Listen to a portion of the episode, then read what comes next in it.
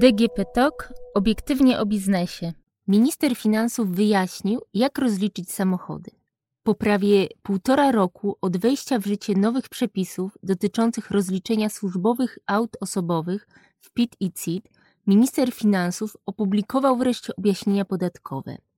Zostały one wydane na podstawie ordynacji podatkowej, co oznacza, że dają one podatnikom ochronę, jeśli ci zastosują się do ich treści. Niestety nie będzie z tego wielkiego użytku, bo w wielu przypadkach zaprezentowana wykładnia jest niekorzystna dla podatników. Na początku przypomnę, co się zmieniło. Między innymi podwyższono z około 86 tysięcy złotych do 150 tysięcy złotych limit amortyzacji samochodów osobowych. Ograniczono możliwość odliczenia od przychodu rat leasingowych. Leasingobiorcy mogą zaliczyć do kosztów uzyskania przychodu maksymalnie 150 tysięcy złotych. Ograniczono możliwość zaliczania do kosztów podatkowych wydatków eksploatacyjnych odnośnie samochodów osobowych wykorzystywanych do celów mieszanych, czyli firmowych i prywatnych. Można je potrącić od przychodu tylko w 75%. Nie będę omawiać całych objaśnień, bo jest ich aż 30 stron. Poruszę tylko kilka spornych zagadnień. Zacznę od tej ostatniej kwestii, którą wymieniłam, to jest od wydatków eksploatacyjnych. W objaśnieniach minister finansów podał wiele przykładów takich wydatków. Na przykład opłaty za przejazdy autostradą, czynsz najmu garażu czy miejsca postojowego, abonament radiowy wyłącznie za radio wykorzystywane w samochodzie i powypadkowy remont auta. Jednak jedna pozycja zwraca największą uwagę. Chodzi o badania diagnostyczne. Gdy nowe przepisy weszły w życie, pracownicy resortu na różnych spotkaniach mówili, że zostaną one wyłączone z limitu.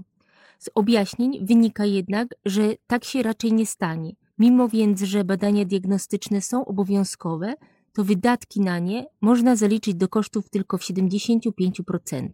Przejdę teraz do leasingu. Zasadniczo zmiany zasad nie dotyczą umów zawartych przed 2019 rokiem. Oznacza to, że do nich nie stosuje się limitów. Raty można zaliczać w koszty w całości. Jest jednak ważny warunek. W umowie nie może być zmian. Problem w tym, że przepisy nie mówią o jakie zmiany chodzi. Dotychczas fiskus, tak samo jak teraz minister finansów, mówił, że nie o każdą zmianę chodzi, ale taką, która wpływa na rozliczenie podatku dochodowego. Mimo to interpretacje indywidualne w wielu przypadkach były niekorzystne. Również minister finansów w objaśnieniach potwierdził, że taką zmianą umowy, która wyklucza preferencje, jest nie tylko zmiana przedmiotu umowy leasingu, ale też strony umowy, np. cesja. Chodzi też o taką zmianę strony umowy leasingu, która jest efektem wtórnym zawarcia umowy, np. podziału spółki przez wydzielenie i przeniesienie części majątku pomiędzy spółką dzieloną a spółką przejmującą. Minister nie wypowiedział się natomiast odnośnie zmiany harmonogramu spłat. To w czasie pandemii bardzo ważny problem.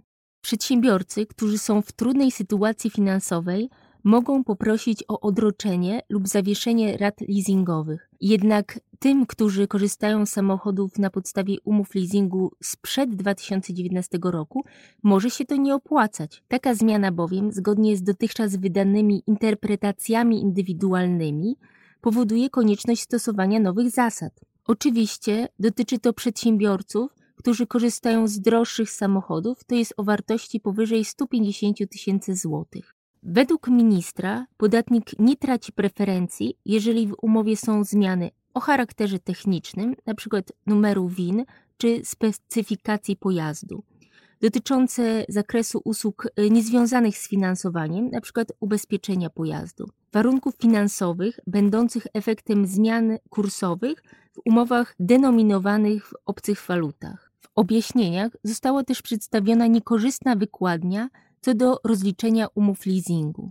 Minister twierdzi po pierwsze, że limit ustala się biorąc do proporcji wartość samochodu będącego przedmiotem umowy leasingu i kwoty 150 tysięcy złotych. Po drugie, należy ją stosować do opłaty uwzględniającej kwotę netto oraz nieodliczonego VAT. Oznacza to, że VAT od raty kapitałowej nieodliczone od podatku należnego nie może być w całości kosztem uzyskania przychodów, jeżeli przekroczony zostanie ustawowy pułap 150 tysięcy złotych. Niewykluczone, że ta interpretacja trafi na wokandę. Niektórzy eksperci podatkowi inaczej odczytują przepisy. Według nich w przypadku samochodów użytkowanych do celów mieszanych ustawowy limit brutto 150 tysięcy złotych należy pomniejszyć o nieodliczony VAT. Limit netto wyniesie więc 134 529 złotych. W takim przypadku proporcje liczy się biorąc kwotę 134 529 złotych do wartości samochodu i powinna ona mieć zastosowanie wyłącznie do kwoty netto raty leasingowej, nie do kwoty nieodliczonego VAT. Ten bowiem powinien w całości być zaliczony do kosztów. Kolejną sporną kwestią jest rozliczenie sprzedaży auta będącego środkiem trwałym. Z objaśnień wynika, że kosztem w takiej sytuacji jest różnica między limitem amortyzacji podatkowej, to jest 150 tysięcy złotych, a sumą odpisów amortyzacyjnych zaliczonych już przez podatnika do kosztów uzyskania przychodu. Przykładowo, podatnik nabył samochód za 300 tysięcy złotych, a sprzedał go za 200 tysięcy złotych. Do kosztów zaliczył odpisy amortyzacyjne w kwocie 20 tysięcy złotych, natomiast całkowicie mógł zaliczyć 150 tysięcy złotych. Według ministra podatnik wykaże więc dochód ze sprzedaży w wysokości 70 tysięcy złotych. Wynika to z tego, że w ramach limitu 150 tysięcy złotych podatnik wykorzystał 20 tysięcy złotych amortyzacji. Pozostało więc 130 tysięcy złotych. Ponieważ sprzedał auto za 200 tysięcy złotych, to tylko 130 tysięcy złotych może zaliczyć do kosztów. Oznacza to, że 70 tysięcy złotych jest przychodem. Niektórzy doradcy podatkowi uważają natomiast, że z limitu 150 tysięcy złotych można skorzystać dwukrotnie. Raz przy amortyzacji auta, a drugi przy jego sprzedaży. Oznacza to, że posługując się przykładem MF, podatnik mógłby odliczyć 170 tysięcy złotych. To jest 20 tysięcy złotych w ramach limitu amortyzacji i 150 tysięcy złotych w ramach limitu sprzedaży. Do przychodów zaliczyłby więc tylko 50 tysięcy złotych.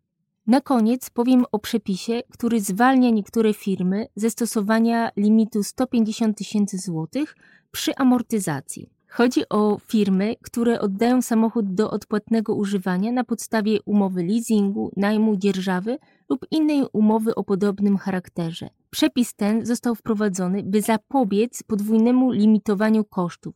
Raz w firmie, która oddaje samochód do użytkowania, drugi raz u klienta, który z tego pojazdu korzysta.